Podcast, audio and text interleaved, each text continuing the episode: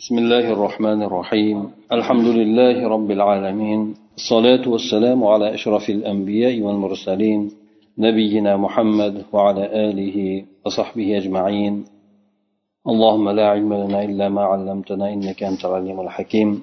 أما بعد آل عمران سورة davom etib kelayotgan tafsirimizda bugun alloh alam to'rtinchi darsimiz bu yigirma to'qqizinchi oyatdan boshlaymiz. O'tgan safargi oyatlarimizda alloh taolo mo'minlarni kofirlarni o'zlariga do'st qilib olishlikdan qaytarganligi hamda bundan ogohlantirganligi faqatgina agar inson o'shanga bir majbur bo'lib qoladigan holatda bo'ladigan bo'lsa tili bilangina qalbi bilan emas tili bilangina ularga muhabbatni yoki do'stlikni izhor qilishligi mumkinligi to'g'risida aytib o'tgan edi. Yana hamda alloh taolo o'ziga oqibat ekanligini ya'ni alloh taoloni huzuriga qaytarilishligi to'g'risida ularni mo'minlarni ogohlantirib o'tgan edi.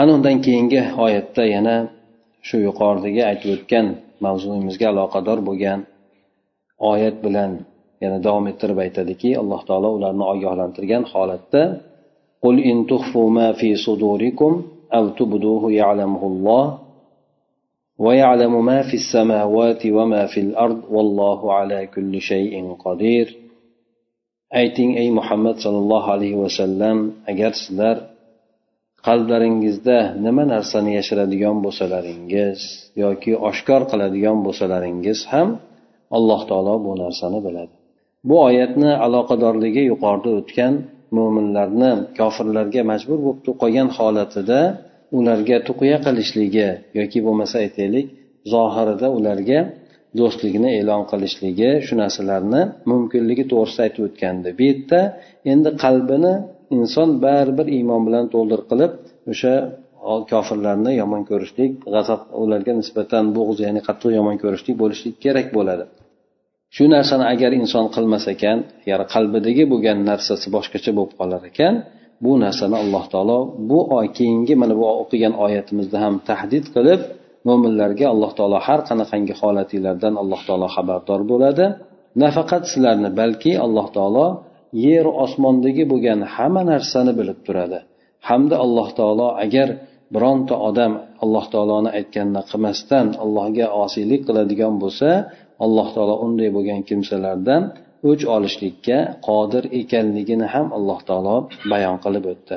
Nafaqat alloh taolo bilib qo'yishligi balki alloh taolo biron bir azob bilan ushlaydigan bo'lsa uni hech kim uni himoya qilolmasligini ham bu yerda bizlarga bayon qilib o'tdi. Demak mana bu oyatda alloh taolo o'zini qudratiga hamma narsaga qodir ekanligini e, bayon qilishlik bilan tugatyapti. Demak bundan tushunamiz ekanki alloh taolo demak o'ziga osiylik qilgan kimsalarni agar azoblashligi bo'ladigan bo'lsa yoki ulardan o'ch oladigan bo'lsa hech kimsa ularni o'rtasini alloh taoloni azobidan to'sib qololmas ekan يوم تجد كل نفس ما عملت من خير محضرا وما عملت من سوء تود لو أن بينها وبينه أمدا بعيدا ويحذركم الله نفسه والله رؤوف بالعباد bu oyatdan oldin demak mufassirni aytgan gaplarni ham aytib o'tib ketamiz aytadiki bu kishi قل إن تخفوا ما في صدوركم أو تبدوه يعلمه الله ويعلم ما في السماوات وما في الأرض والله على كل شيء قدير.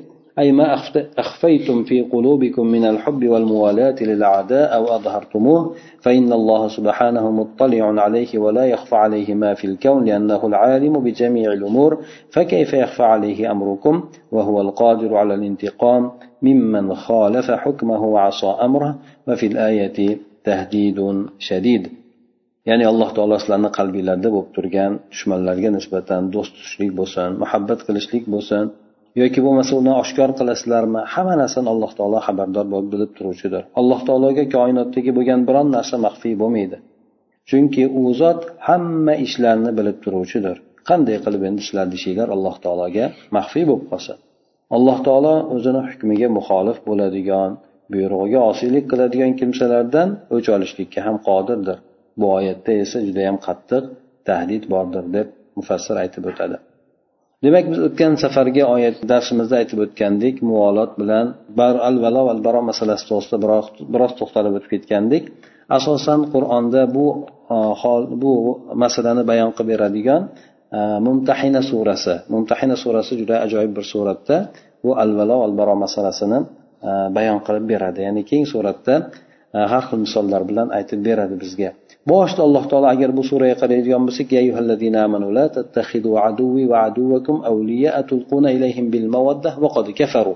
demak ey mo'min bo'lgan kimsalar meni do'stlarimga o'zinglar do'stinglarga sizlar e, do'stlikni e'lon qilib e'lon qilmanglar.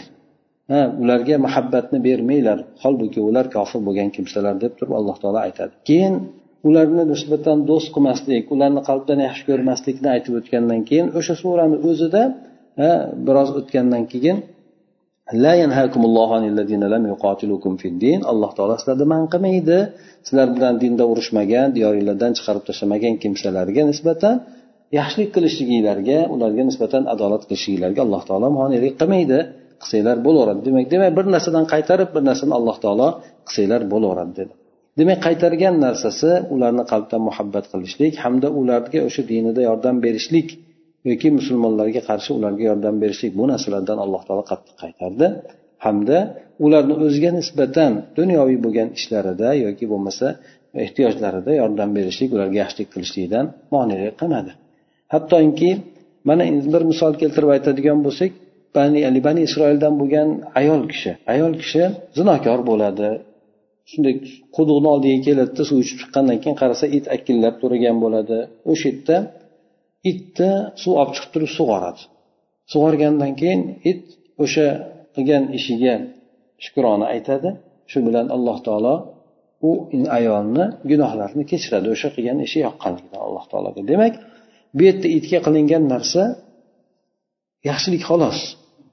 Uni inson yaxshi ko'rishlik ko'rmasligidan qat'iy nazar inson yaxshilik qilishlik. Albir deganda bu yerda antabaru debdi inson yaxshilik qilishligi bir kimsaga. Uni yaxshi ko'rgan bo'lsin yoki yaxshi ko'rmagan bo'lsin. Farqi yo'q unga yaxshilik qilishlikni haligi qur'onda kelgan antabarruh ya'ni ularga yaxshilik qilishligilarga yaxshilik qilishinglarda alloh taolo monelik qilmaydi deb aytib o'tdi. Hamda adolat qilishlik. Bu yerdagi yaxshilik qilishlik itga nisbatan bu. Demak itni inson yaxshi ko'rishlik ko'rmasligini aloqasi yo'q. Kofirlarga nisbatan ham xuddi shuningdek ularga nisbatan muomala bobida albatta inson yaxshilik qilish kerak bo'ladigan bo'lsa yaxshilik bo'lmasa adolat qilishlik kerak bo'ladi. Deganda adolatni ham juda nozik bir suratda ado etishlik kerak bo'ladi. Qalb masalasi bobida bo'ladigan bo'lsa ularni do'st tutmaslik yoki bo'lmasa ularni o'zlariga yaqin bir qalb bilan muhabbat qilib olmaslik yoki ularga o'tgan safarda ham aytib o'tgandik o'sha dinida ularga yordam bermaslik shunaqa masalalar kirar ekan demak bu yerda alloh taolo ayni mana shu masaladan qattiq qaytardi. Bir oyatda qaytardi ikkinchi oyat qilib tahdid qilib qaytardi qiyomat bilan ularni ogohlantirdi. Undan keyin yana alloh taolo ikkinchi marta o'sha qaytaruvga ogohlantirishlikka qaytdi. Masalasi bu yerda aytishadiki bu ya'ni aqida masalasi bu yerdagi al valo baro masalasi aqida masalasi. Chunki e, bu iymon shartlaridan birisi deb aytiladi. Shuning uchun bu masalaga qattiqroq ahamiyat berildi. Mana undan keyin alloh taolo ogohlantirgandan keyin mo'minlarni aytdiki يوم تجد كل نفس ما عملت من خير محضرا وما عملت من سوء تود لو أن بينها وبينه أمدا بعيدا. أي ليس الجزاء هنا في الدنيا إنما الجزاء في الآخرة. يوم يجد كل إنسان جزاء عمله حاضرا لا يغيب فإن كان عمله حسنا سره ذلك وأفرحه وإن كان سيئا تمنى أن لا يرى عمله القبيح. وأن يكون بينهما المسافة الشاسعة البعيدة بحيث لا يراه ولا يتصوره لما يلحقه من الخزي والذل ana undan keyin alloh taolo ularni ogohlantirib aytdiki qiyomat kunidan ogohlantirdi ya'ni alloh taolo bu dunyoda ham azob berishlikka qodir lekin insonda asosan qattiqroq bo'ladigan azobi oxiratda bo'ladi ana o'shanday bo'lgan kunda har bir odam har bir jon qanday amal qiladigan bo'lsa xosatan mana bu yerda har qanaqangi yaxshi amal qilgan bo'lsin uni hozir bo'lgan holatda inson topadi dedi har qanaqangi yaxshi amali bo'lsin inson shunday qilgan amalni hozir bo'lgan holatda hammasi yozib qo'yilgan holatda topadi. Yomon amalichi yomon amalni ham albatta shunday topadi lekin undan oyatni davomida aytib o'tdiki endi yomon amal qiladigan bo'lsa albatta oldida hozir holatda topadi lekin insonni bu yerdagi orzusi nima bo'ladi? Yoshki o'sha qilgan amali bilan o'zini o'rtasida judayam uzoq bir masofa qilinsa. Go'yoki inson umuman ko'rmasa ham o'sha narsani o'ylamasa ham hattoki shunday inson demak orzu qilib qolar ekan. Mufassir aytadiki demak jazo bu faqatgina shu dunyoda emas balki asosiy jazo bu oxiratda bo'ladi. Har bir inson o'sha kunda amalini jazosini yoki mukofotini hozir bo'lgan holatda topadi. Hech qanaqangi yo'q bo'lib ketmaydi inson qilgan amallari. Agar amali yaxshi bo'ladigan bo'lsa bu narsa insonni xursand qilib judayam shod qilib yuboradi. Agar yomon bo'ladigan bo'lsachi unda inson o'sha qilgan xunuk amalni ko'rishlikni ham orzu qilmay qo'yadi. Va yana o'zi bilan o'sha amalni o'rtasida judayam keng uzoq bo'lgan masofa bo'lishligini inson orzu qilib qoladi. Chunonchi bu yerda u inson ko'rmasin ham uni hattoki tasavvur ham qilmasin. Bu narsa albatta insonga o'sha qilgan amali orqali yetadigan sharmandalik bo'lsin yoki xorlik bo'lsin mana shu narsalar sabablidir ويحذركم الله نفسه والله رؤوف بالعباد أي يخوفكم الله عقاب عقابه الشديد ومن رأفته ورحمته لكم حذركم من موالاة أعدائه yana alloh taolo ikkinchi marta o'sha oyatni qaytarib aytadiki alloh taolo sizlarni o'zidan ogohlantiradi Ya'ni o'zidan azobidan ogohlantiradi alloh taolo bandalariga mehribon rahmdil bo'lgan zot. Mufassirni gapida keladiki alloh taolo sizlarni o'zini judayam qattiq bo'lgan azobidan ogohlantiradi. Ya'ni bu masalaga inson hattoki dindan chiqib ketib qolishligi mumkin. Shuning uchun alloh taolo shunday qattiq azobni ogohlantirib bayon qilyapti. Lekin alloh taoloni sizlarga bo'lgan mehribon mehribonchiligi rahmdilligi shuki alloh taolo sizlarni o'sha dushmanlarni do'st qilib olishligilardan ogohlantirdi. Alloh taolo demak yomonlikni voqe bo'lishligidan oldin ogohlantiradi. O'shani qilmanglar deb turib. Chunki o'shani mabodo qiladigan bo'lsa alloh taoloni azobiga qattiq giriftor bo'lib qoladi. Ya'ni yomonlikdan oldin ogohlantirib qo'yishligi o'sha ogohlantirayotgan kimsalarga nisbatan alloh taoloni mehribonchiligi bo'ladi rahmdilligi bo'ladi. To'satdan aytib turib bunchalik qattiq ogohlantirmasdan yengil o'tib ketib turib qattiqroq ushlaydigan bo'lsa inson yengil aytilgan narsaga unchalik e'tibor qilmaydi. Qachoniki qattiq undan ogohlantiradigan bo'lsa inson tiyiladi ana o'shanday alloh taoloni sizlarga bo'lgan mehribonchiligi rahmdilligi shuki ollohni do'stlarini dushman tutishligidan sizlarni ogohlantirib qo'ydi. قل إن كنتم تحبون الله فاتبعوني يحببكم الله ويغفر لكم ذنوبكم الله غفور رحيم. أي قل لهم إن كنتم حقا تحبون الله فاتبعوني لأني رسوله. أرسلني لهدايتكم فإذا أطعتموني أحبكم الله وغفر لكم ما سلف من الذنوب والله سبحانه واسع المغفرة. عظيم الرحمة. ana undan keyin payg'ambar sallallohu alayhi vasallamga xitob qilib aytdiki ayting ey muhammad sallallohu alayhi vasallam agar sizlar ollohni yaxshi ko'radigan bo'lsalaringiz menga ergashinglar. Demak ollohni yaxshi ko'rishlik bilan ollohni dushmanlarini do'st tutishlik ikkalasi barobar kelmaydi ikkalasi jamlanmaydi. Ha agar ollohni haqiqatdan yaxshi ko'rishlikni davo qilayotgan bo'lsanglar menga ergashinglar. Chunki payg'ambar alayhissalom dushmanlarga qanday yo'l tutganligi qanday muomala qilganligi ma'lum bo'lib ham o'sha davrlarda. Xosatan e, ba'zilar bu oyatda nima qilganda e, yahudlarni do'st tutib olishlik bu narsa ko'zda tutilgan deydi. Qurayshdan ham ko'ra yahudlar. Chunki e, u musulmonlar bilan bir joyda bo'lishgan edi. Yahudlar bir jamiyatda yashashgandi shuning uchun e, ularni o'sha yahudlarni do'st tutib olishlikdan qattiq ogohlantirdi. Shuningdek mushriklar bilan mushriklar endi uzoqda makkada lekin ba'zilari qarindosh urug'chilik aloqalari bor edi. Qarindosh urug'chilik aloqalari to'g'risida o'tgan safar aytib o'tdik inson o'zini qarindoshini yaxshi ko'rishligi mumkin lekin din borasida allohni dushman deb turib buni baribir qalbidan u tomonda yomon ko'rishlik kerak. Agar bu muhabbatga olib boradigan bo'lsa insonni aytdik demak dinidan chiqib ketib qolishligiga ham olib borar ekan. Demak alloh taoloni yaxshi ko'radigan bo'lsanglar allohni dushmanini yomon ko'ringlar. Ha payg'ambar alayhisalom menga ergashinglar dedi.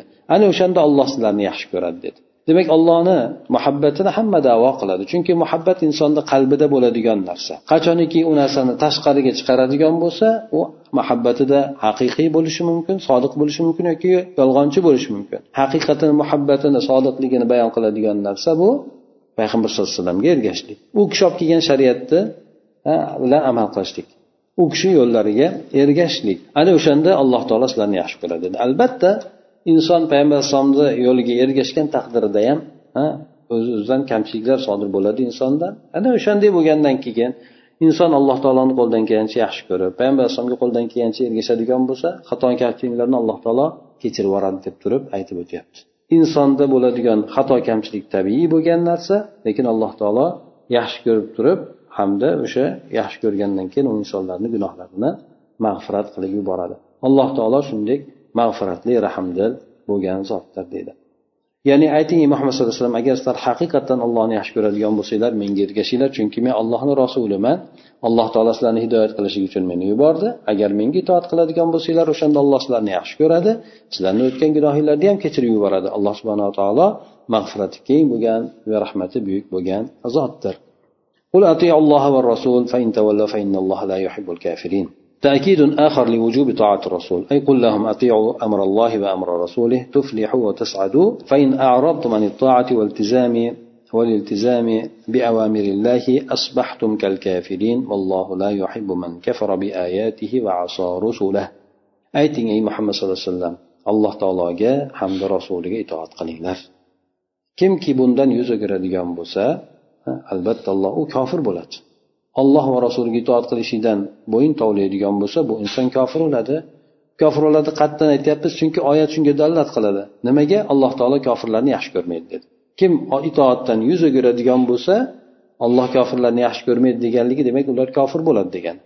O'shanday bo'lgan kimsalarni alloh taolo yaxshi ko'rmaydi demak bu yerda rasululloh sollallohu alayhi vasallamga itoat qilishlikni vojibligi borasida ya'ni farzligi borasida boshqa bir ta'kid kelyapti bu yerda. Ya'ni muhammad sallallohu alayhi vasallamga aytdiki ayting ularga ya'ni insonlarga aytingki alloh buyrug'iga itoat qilsinlar rasulini amriga itoat qilsinlar. Shunda zafar topadilar baxtiyor bo'ladilar.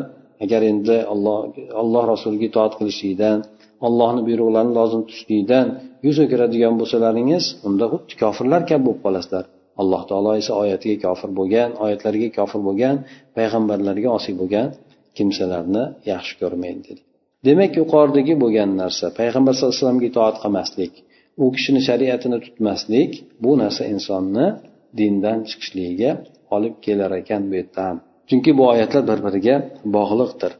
Ana undan keyin alloh taolo boshqa bir mavzuga aytib o'tdiki innalloha safa adam va nuha va ala ibrohim va ala imron ala أي اختار للنبوة والرسالة صفة خلقه آدم آب البشر ونوحا شيخ المرسلين وذرية إبراهيم الخليل منهم إسحاق وإسماعيل ومن تناسل منهم من الأنبياء كموسى وعيسى ومحمد دين خاتم الأنبياء لأنه من ذرية إسماعيل بن إبراهيم اختارهم على جميع الخلق البت الله تعالى payg'ambarlarni tanladi bu payg'ambarlar odam alayhissalom nuh alayhissalom ibrohim alayhissalom oilasi va imron oilasini butun olamlarga payg'ambarlar qilib yubordi Ya'ni alloh taolo payg'ambarlik uchun risolat uchun o'zini maxluqotlarni orasida saralangan kimsalarni tanladi. Odam alayhissalomni tanladi. Bu kishi insoniyatni otasi edi. Nuh alayhissalomni tanladi. Bu kishi butun yuborilgan rasullarni eng kattasi eng birinchisi edi yoki shayxi edi.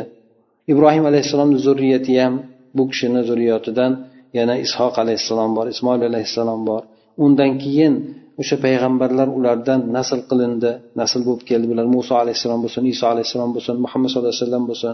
Chunki muso muhammad sallallohu alayhi vasallam ismoil alayhissalom ibrohim alayhissalomni farzandlari ismoil alayhissalomni zurriyatidan hisoblanadi. Alloh taolo bu kishini bularni butun ya'ni maxluqotlarni hammasiga yubordi. Ya'ni qaysi birlaridir bu qaysi birlaridir bu xalqqa qilib alloh taolo yubordi. Payg'ambar sallallohu alayhi vasallamni esa butun insoniyatni hammasiga yubordi. ذرية بعضها من بعض والله سميع عليم أي هؤلاء المصطفون أسرة واحدة وعائلة واحدة متجانسون في الفضل والتقى والصلاة والله عليم بمن يصطفيه من خلقه bularni ba'zilari ba'zilarini zurriyoti bo'lgan alloh taolo eshitib bilib turuvchi bo'lgan zotdir ya'ni alloh taolo o'zi bilib turib shu kimsalarni payg'ambar qilib yubordi mana bu tanlangan kimsalar hammasi bir oiladir yagona bir oiladir bular fazilda bir biriga hamjins bo'lgan kimsalar taqvoda salohiyatda bir biriga hamjins bo'lgan bir biriga o'xshagan kimsalar bular.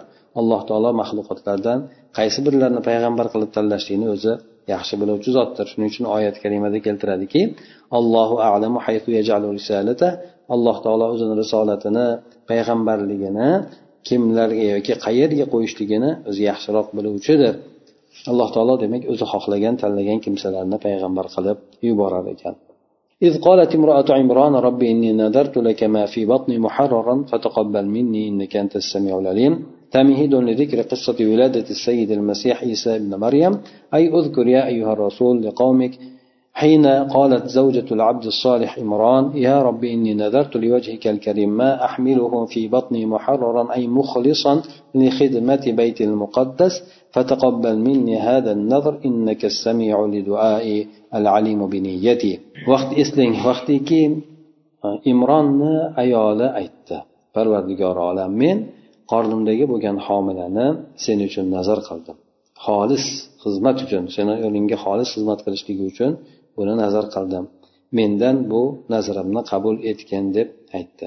Yana aytdiki albatta sen o'zing eshitib bilib turuvchi bo'lgan zotsan dedi. Bu narsa esa bu kishini bu oyatni keltirishligi yoki bu qissani o'tishligi iso alayhissalomni ya'ni masih bo'lgan masih u kishi masih deb laqablanishligini sababi ya'ni kasallarni siypab turib tuzatgan u kishi. Shuning uchun masih deb aytiladi. Tajjoldiki esa u mamsuh ma'nosida bo'lgan ya'ni ko'zi siyrilgan bo'lganligi uchun uni mamsuh deb ayt mamsuh ma'nosida aytiladi. Uni ham masih deyiladi. Lekin bu yerda masihni masih ma'nosida keladi ya'ni siypovchi degan ma'nosida. Iso alayhissalomni tug'ilishlik qissasini zikriga bir kirish qismi yoki shunga tamhid suratida aytib keltirib o'tyapti buni. Ya'ni ey rasululloh sollallohu alayhi vasallam qavmingizga ayting bir eslating endi. Vaqtiki solih bo'lgan banda imronni ayoli aytgan edi parvardigori olam seni ulug' yuzingga men qornimdagi bo'lgan homilamni xolis ya'ni baytul maqdisni xizmati uchun xolis qilib nazr qildim. Mendan bu nazrimni qabul qilgin albatta sen duolarimni eshituvchi niyatimni bilguvchi bo'lgan zotsan dedi.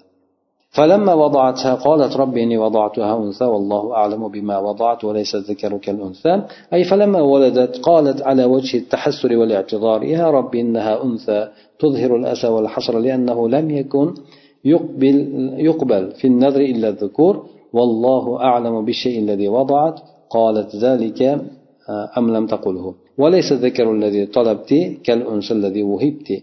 بل هذا أفضل والجملتان من كلامه تعالى تعظيما لشأن المولودة وما سيتعلق بها من عظائم الأمور أنا undan keyin ayol kishi farzandini tug'adi qon paytida aytdiki parvardigor olam men buni qiz tug'ib qo'ydimu qiz tug'ib qo'ydimu deb aytdi alloh taolo o'zi ayol kishi nima tuqqanligini o'zi bilardi alloh taolo bu yerdagi albatta o'g'il bola xizmatda endi qiz bolaga o'xshagan emasdir. Shuni tafsirida aytadiki ayol kishi farzandini tuqqach aytdiki hasrat nadomat uzr xuddi go'yoki bir ayb ishni qilib qo'ygan odamdek ya'ni e, uzr keltirib ya'ni nima u kishi baytul maqdisga xizmat qilishligi uchun bir farzandini nazr qilgan edi.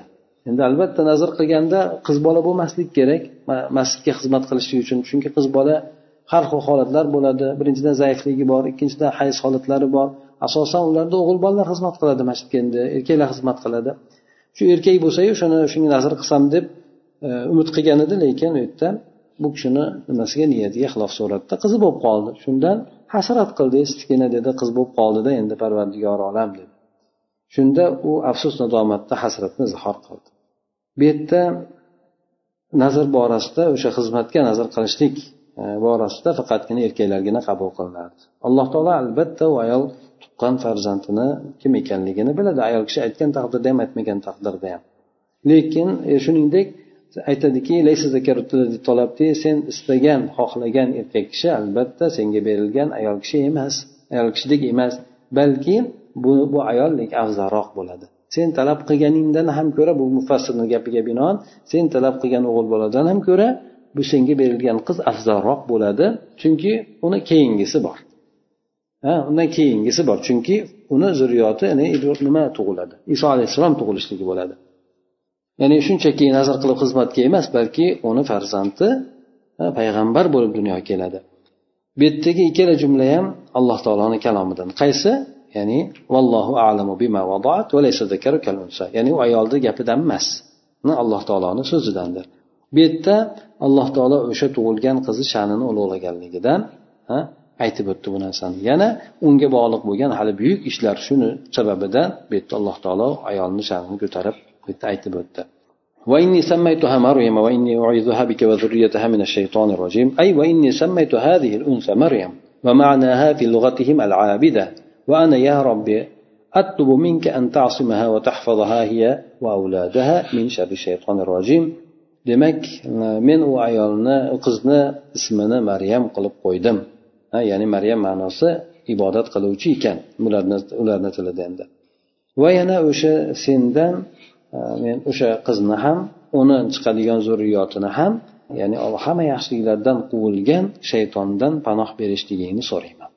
Deb shunday deb aytdi. Demak iso alayhissalomda hamma o'sha tug'ilganlar yig'laganligi vallohu alam iso alayhissalom tug'ilganda yig'lamaganligi. Chunki har bitta tug'ilgan bolaga shaytonni tegishligi borku. Shayton tegishligi bo'ladi o'sha tegishligidan inson qichqiradi deydi ya'ni yig'laydi. Bir tug'ilgandan keyin nima qilib ko'rishadiku shunda bir yig'laydi deydi. O'sha yig'lashligi shaytonni chimchilashligi shayton tegishligi bilan bo'ladi deydi. O'sha narsa iso alayhissalomda bo'lmaydi ya'ni sababi birinchidan payg'ambar bo'lganligi keyin bu ayolni alloh taolodan panoh so'raganligi ham ya'ni saqlashligini so'raganligi ham. فتقبلها ربها بقبول حسن وأنبتها نباتا حسنا وكفلها زكريا أي قبلها الله قبولا حسنا ورضي بها في النذر رباها تربية كاملة فسلك بها طريق السعادة وجعل لها من يكفلها ويتعهد أمرها وهو نبي الله زكريا عليه السلام لكن الله تعالى baribir u qizni o'g'il bola bo'lmagan taqdirida ham juda chiroyli suratda alloh taolo qabul qildi. Ayoldan o'sha qilgan nazrini alloh taolo chiroyli suratda qabul qildi. Va o'sha qizni judayam bir ajoyib suratda chiroyli qilib o'stirdi alloh taolo. Yana e, buni zakariya alayhissalomni unga kafil qilib qo'ydi. Unga qarovchi qilib qo'ydi o'sha maryam onamizga. Ya'ni buni nimasi e, nima surasida keladi maryam surasida keladi qaysinisi kafil bo'lar ekan deb qur'a tashlashadi hattoki. Maryam alayhissalomga e, ya'ni maryam onamizga shunda u kishiga qarab turishlik nimaga chiqadi? Zakariya alayhissalomga e, chiqadi. Zakariya alayhissalom keyin u ayolni qarab kuzatib ya'ni nasl hojatlari bo'lsa berib shunaqa qarab turadi endi. Demak alloh taolo bu yerda e, buni chiroyli suratda qabul qildi deydi va nazrga o'sha mayli deb turib rozi bo'ldi va mukammal suratda tarbiyasini ham qildi. Alloh taolo juda chiroyli qilib tarbiyalab berdi. Hamda baxt saodat yo'lidan yurgizib qo'ydi va unga u ayolga maryam onamizga kafillik qiladigan ishini qarab turadigan kishini ham tayinlab qo'ydi. Bu esa alloh taoloni payg'ambari zakariya alayhissalom edi. Demak inson ajib inson bir narsani alloh taolodan so'rab nazr qiladigan bo'lsa alloh taolo garchi insonda u narsasi hosil bo'lmasa ham alloh qabul qilaverar ekan. Insondan chiqqan ixlosga qarab turib. Bir narsani qilaman deb inson niyat qildiyu o'sha niyati boshqacha chiqib qoldi. Hasrat nadomat qilmaslik kerak ekan. Demak inson alloh taolo agar insonda o'sha qilgan niyatiga niyatidagi bo'lgan xolislikni biladigan bo'lsa garchi inson aytgan narsa bo'lmasdan boshqa narsa bo'lib qolgan taqdirda ham alloh taolo uni qabul qilib uni ajrini beraverar ekan. Xuddi bu kishi o'g'il bola tilaganda alloh taolo qiz bola berdiyu lekin nazr qilganligi uchun xolis nazr qilganligi uchun o'shani ham alloh taolo qabul qilib u ayolga ajrini ham beraverdi. كلما دخل عليها زكريا المحراب وجد عندها رزقا قال يا مريم أن لك هذا قالت ومن عند الله إن الله يرزق من يشاء بغير حساب ya'ni qachoniki zakariya alayhissalom maryam onamizni oldiga kirgan paytlarida mehrob degani bu xona degani ibodat qiladigan xonasini aytadi mehrob deganda qanaqa tushunib qolmaylik bizlarda masjidlarda bo'ladigan mehrob borku bu yerda mehrobda ya'ni xona ibodat qiladigan xonasi o'sha yerga kirgan paytida maryam onamizni oldida rizq taom topar edi Aytadiki maryam bu sizga qayerdan keldi bu taom. Shunda u alloh taolo tomonidan menga rizq qilib berildi deyadi alloh taolo xohlagan odamlarga behisob rizqini beraveradi shunday. Mufassir aytadiki demak e, qachon paytda bo'lsin? Zakariya alayhissalom maryam onamizga kirardi. Ibodat qiladigan joyga kirardi. Kirgan paytida oldida meva taomlarni topardi. So'rardi ey maryam bu sizga bu taom kim olib keldi qayerdan keldi? deb.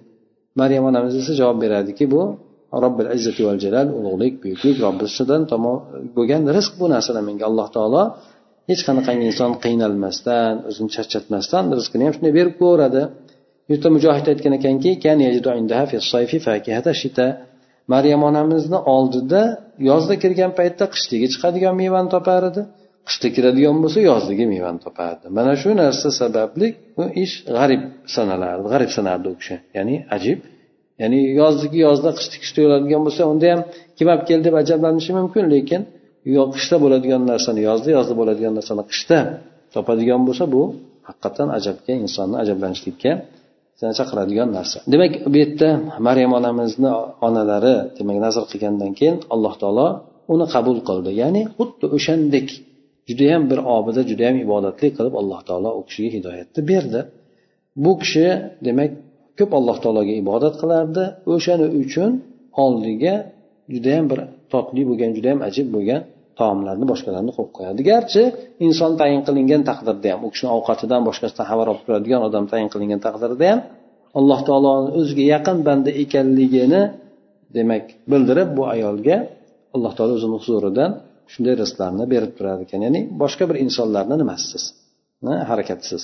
هنالك زكى هنالك دعا زكريا ربه قال ربي هب لي من لدنك ذرية طيبة إنك سميع الدعاء أي في ذلك الوقت والزمن الذي رأى فيه زكريا كرامة الله لمريم دعا ربه متوسلا متضرعا إليه قال يا رب امنحني من فيض جودك وكرمك ولدا صالحا مباركا إنك تسمع دعاء من سألك وناداك لم يكن لسيدنا زكريا ولد لأن امرأته كانت عقيما لا تلد وهو في سن الشيخوخة والهرم لكن ولكن لما رأى كرامة الله لمريم طمع من مولاه في الولد من غير الطريق المعتاد ya'ni ana o'sha paytda zakariya alayhissalom o'zlari ham robbisiga duo qildi aytdiki parvardigor olam o'zingni huzuringdan menga judayam bir ajoyib pokiza bo'lgan zurriyotni ato etgin albatta sen duoni ijobat etguvchi yoki eshitib turuvchi bo'lgan zotsan dedi zakariya alayhissalom maryam onamizni oldiga kirgan paytida ya'ni o'sha rizqni ko'rdi.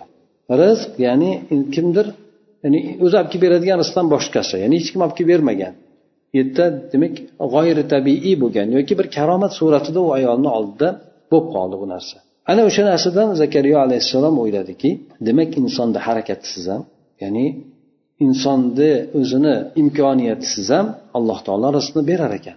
Bu inson eshitgani boshqa bari o'z ko'zi bilan ko'rgani boshqa. Shunda u kishi o'zi haqida o'ylab qoldi. Parvardigor olam endi odam o'ylaydiki bu kishini yuz yigirmagami kirgan deb aytadi o'sha paytda ayoli yuzlariga kirib qolgan ya'ni zurriyotsiz. Farzandi yo'q ayoli bo'lib ham tug'mas bo'lgan ayol payg'ambar bo'lsa ham ayoli bo'lishi mumkin ekan bunday aytganda. Tug'mas bo'lishligi aytaylik ehtimol qancha duo qilgandir o'sha farzand berishligi to'g'risida avval ham. Lekin alloh taolo o'zi biladi qachon ijobat qilishligini lekin o'sha yerdagi holatdan ko'rib ta'sirlanib turib alloh taolo hamma narsaga qodir. Qodirligini bilishlik boshqa o'z ko'z bilan ko'rishlik boshqa bo'ladi. Shuning uchun yettigi rizqni ko'rgandan keyin o'zi haqida o'ylab qoldi. Parvardigor olam demak hech kimni harakatsiz ham o'zing tomonidan odatiy bo'lmagan tomondan ham o'zing beraverar ekansan menga ham shunday bir pok bo'lgan zurriyatni ato et odam o'ylaydiki shu yoshga kirgan odam bo'lib ham ayoli tug'mas deb aniq bilingan ayol bo'ladigan bo'lsa ya'ni insoniy nuqtai nazardan farzand bo'lmaydi lekin o'zing qanday maryamga shu taomni bergan bo'lsang odatiy bo'lmagan tomondan menga ham farzandni bergin deb turib alloh taologa u kishi duo qildi. Demak o'sha zamonda o'sha paytda zakariya alayhissalom maryam onamizga bo'lgan alloh taoloni karomatini ko'rdi. Keyin robbisiga yolvorib duo qildi. Tilanib duo qildiki parvardigor menga o'zingni saxovatingni karamingni fayzidan judayam to'lib toshgan saxovatingdan karamingdan muborak bo'lgan solih bo'lgan farzandni bergin menga. Albatta sen kim sendan so'raydigan bo'lsa nido qiladigan bo'lsa uni duosini eshitib ijobat qilasan. Zakariya alayhissalomga saidimiz zakariya alayhissalomni farzandlari bo'lmagandi. Ayoli ham tug'mas edi. U bo'lib ham zakariya alayhissalom qarigan judayam qarib qolgan yoshda edi. Lekin alloh taoloni maryam onamizga qilgan karomatini ko'rgan paytida o'zi ham farzandda tama qilib qoldi. Ya'ni odatiy bo'lmagan yo'ldan bo'ladigan farzandda tama qilib qoldi. فنادته الملائكة وهو قائم يصلي في المحراب أن الله يبشرك بيحيى المنادي كان جبريل وحده والجمع للتعظيم لأنه رئيس الملائكة أي ناداه جبريل الأمين وزكريا قائم في المحراب يصلي ناداه بأن الله يبشره بولادة غلام اسمه يحيى سماه الله عز وجل له بيت u kishi zurriyot so'radi zurriyot so'raganda ham har qanaqangi zurriyot so'ramadi chunki zurriyot har xil bo'ladi insonga demak ne'mat bo'ladigan yoki balo bo'ladigan farzand bo'lishi mumkin bu kishi zurriyatan toykibatan deb turib ya'ni pokiza bo'lgan yaxshi bo'lgan zurriyotni ato etgin dedi bu kishini alloh taolo qilgan duosini o'sha keyin qancha bir muddat o'tgandan keyin ijobat qildi endi. Ya'ni yoshlari qarigan paytlarida o'sha qilgan duosini alloh taolo ijobat qildi. Bu kishi bo'lib ham bu kishi mehrobda ya'ni ibodat qiladigan joyda namoz o'qib turgan paytlarida alloh taolo tomonidan vahiy keldiki buni jibril alayhissalom olib keldi. Ya'ni alloh taolo sizga yahyo alayhissalom bilan bashorat beryapti alloh taolo payg'ambarni bo'lish payg'ambar bo'lishligini ham payg'ambarni nomini ham o'zlari alloh taolo o'zi tayin qilib qo'ygan ekan. Nido qiluvchi bo'lgan odam jibril alayhissalomni o'zi bo'lgan lekin farishtalar deb aytdi buni sababi ulug'lashlik uchun keltirildi. Chunki jibril alayhissalom farishtalarni boshlig'i bo'ladi. Bu yerda nido qilgan faqatgina jibril amin ya'ni omonatdor bo'lgan ishonchli bo'lgan jibril alayhissalom bo'ladi. Zakariya alayhissalom esa o'sha ibodat qiladigan joyda namoz o'qiyardi. Alloh taolo nido qildiki u kishi alloh taolo sizni bir e, farzand tug'ilishligi bilan bashorat beryapti. Buni ismi yahyo bo'ladi. Uni alloh taolo o'zi shunday yahyo deb turib nomladi dedi. مصدقا بكلمة من الله وسيدا وحصورا ونبيا من الصالحين أي مصدقا بعيسى مؤمنا برسالته سمي كلمة الله كلمة الله لأنه خلق بكلمة كن من دون سبب عادي وسيدا يسود قومه ويفوقهم محصورا أي عفيفا يحبس نفسه عن الشهوات ترفعا وزهدا ولا يقرب النساء مع قدرته على ذلك وما قاله البعض أنه كان عنينا آه، عنينا آه، فباطلا لأن هذا نقص في الرجولة والآية وردت مورد المدح والثناء لا مورد الذم ونبيا من الصالحين أي وسيكون فيما بعد أحد أحد الأنبياء الصالحين الذين يختارهم الله لهداية الناس. أنا undan keyin yana jibril alayhissalom bashorat bergandan keyin ismi yahyo bo'ladi va aytdiki musaddiqon bi kalimati minalloh. Alloh taolo tomonidan bo'ladigan kalimani ya'ni iso alayhissalomni tasdiqlovchi bo'ladi yana o'zi qavmida sayyid bo'ladi hasur ya'ni zino boshqa har xil shahodatlardan o'zini tiyuvchi bo'ladi iffatlik ya'ni solih bo'lgan payg'ambarlar solihlardan bo'lgan bir payg'ambar bo'ladi dedi. Demak bu yerda bu kishiga bashorat berilayotgan paytida iso alayhissalomni tasdiqlovchi bo'lib keladi. U kishini risolatiga iymon keltiruvchi bo'lib keladi. Ya'ni iso alayhissalom bilan yahyo alayhissalom bir davrda bo'lganlar. Zakariya alayhissalom ham bir davrda bo'lganlar. Ko'proq bular yaqin bo'lgan bir biriga ba'zilar nimalarda xalovatcha ham bo'lgan deydi iso alayhissalom bilan yahyo alayhissalomni. Hali yahyo alayhissalom tug'ilayotgan paytda iso alayhissalom kelishligiyu iso alayhissalom payg'ambar bo'lishligi yahyo alayhissalom iso alayhissalomni tasdiqlovchi bo'lib kelishligi shu narsalar hammasi bu yerda bitta nidoda ketyapti. Garchi bu yerda endi ehtimol iso alayhissalomni bashorati bo'lgan bo'lishi mumkin. Lekin taxminan yahyo alayhissalom bilan birgalikda yosh jihatdan uncha farq qilmagan iso alayhissalom. Alloh taolo bu kishini allohni kalimasi deb nomladi yoki kalimatulloh deb nomlandi. E, chunki alloh taoloni hech qanday oddiy bir sababsiz kun degan bo'l degan so'zi orqali bo'lgan endi iso alayhissalom. Sayyidan deb aytdi. Bu yerda yahyo alayhissalomni ya'ni qavmini sayyidi bo'ladi. Ulardan ko'p tomonlarda ustun bo'ladi. Lekin e, yahyo alayhissalomni ular o'ldirishib yuboradi yahudlar. Saidi bo'lgan taqdirda ham. Hasuron ay afifan ya'ni hasur degani iffatlik ya'ni nafsini shahovatlardan e, ushlab turuvchi to'sib turuvchi. Bu o'zini yuqori sanab zohidlik sababli shunday o'zini nima shahovatlardan tiyiladi ayollarga qodir bo'lib turgan bo'lsa ham yaqinlashmaydi. Ba'zilar aytgan ekanki bu kishida anin bor ya'ni pishmalik deb qo'yadiku o'zimizda ya'ni pichma deb qo'yadiku. Ha pichmalik deydi. Pichmalik degani ya'ni nimasi avrati katta bo'lmaydigan deb ya'ni pishib qo'yilgan degan nimada. O'shanday deb ba'zilar aytgan nimasi bor edi lekin bu gap botil chunki bu erkaklardagi nuqson hisoblanadi. Oyat bu yerda maqtov suratda kelyapti. Ha mana shunday sur qilib keladi deb turibdi endi nimalardan shahodatlardan ayollardan o'zini nima tiyuvchi bo'lib keladi deydi. Bu yerda mazammat qilishlik qoralashlik o'rnida kelmayapti oyatda. Maqtab keltiryapti.